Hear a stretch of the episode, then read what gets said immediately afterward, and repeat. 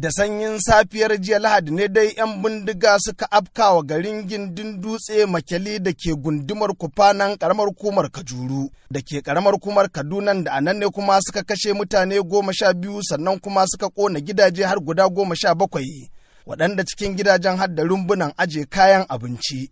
Sai dai sarkin yankin wato agon kufana Chief Titus Dauda ya ce 'yan bindigan ba su samu sace ko da mutum ɗaya ba.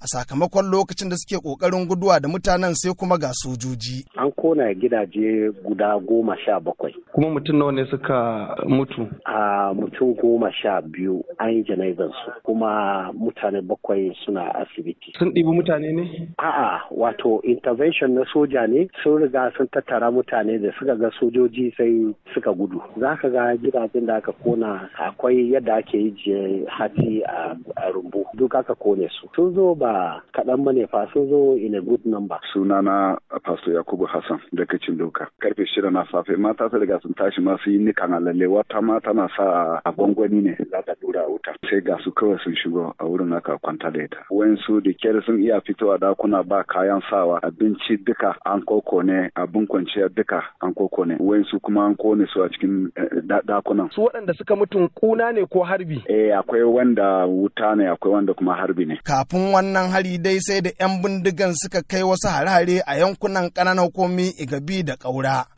Kuma mukaddashin kwamishinan tsaro a jihar kaduna malam samuel aruwan ya zaga yankunan da aka kai waɗannan hare-hare sannan ya tabbatar da gwamnatin jihar kaduna na ɗaukan matakai. Duk abubuwan da suka faru kerawa zuwa gwada har abin da ya rubu har zuwa tabanni a nan birnin gwari a nan karamar hukumar kauru da kuma gindin dutse da ke na karamar hukumar kajoru da abin da ya kaciya. Duk wani abubuwan ba su mana daɗi ba.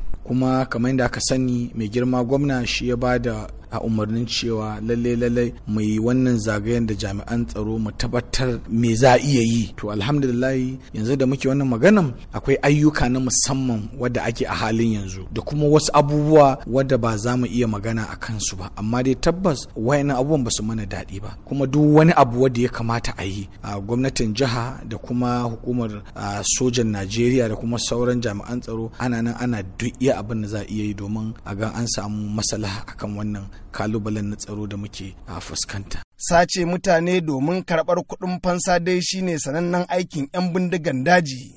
Kuma ganin wannan karan ƙone gidaje da dukiyoyi 'yan bindigan suka yi ya sa masani akan harkokin tsaro. Manjo hashin ko nunar da wata manufa. Akwai alamomin tambaya duba da irin ta'annatin da aka yi. An kashe mutane, an kona wa'yansu suna cikin wurin kwanan su kuma ba a kawo magana an tafi da wa'yansu ba. Wannan yana nuna kenan kamar wani hari ne na ramuwar gayya ko kuma na neman a yi tsokana ta yadda za a hargitsa mutane su zamanto suna shakku ko kuma suna zargin junansu har in aka yi wasa gwamnati bata shigo da wuri ba ya zama sanadiyar da za a samu rarrabuwan kan al'umma wanda yana zargin wannan wanda yana zargin wannan. Amma dai duk da haka koma menene bai rasa nasaba da ta'addanci wanda yake duk ƙoƙarin da gwamnati za ta yi ta magance shi lallai lallai dole gwamnati ta yi wani abu ta ɗau mataki na bai ɗaya a baya dai an dan samu saukin har-haren yan bindiga a wasu sassan jihar Kaduna sai dai dawowar har-haren jifa-jifa a wasu sassan jihar Kaduna cikin 'yan kwanakin nan musamman dai a cikin wannan sabuwar shekara ya sa wasu tunanin cewa aikin 'yan sa kai da kuma askarawan da wasu makwabtan jihohi suka kirkiro ne ke neman dawo da hannun agogo baya a jihar Kaduna. Abin da ya sa wasu ke ganin ya kamata ita ma gwamnatin jihar kaduna ta ɗauki mataki.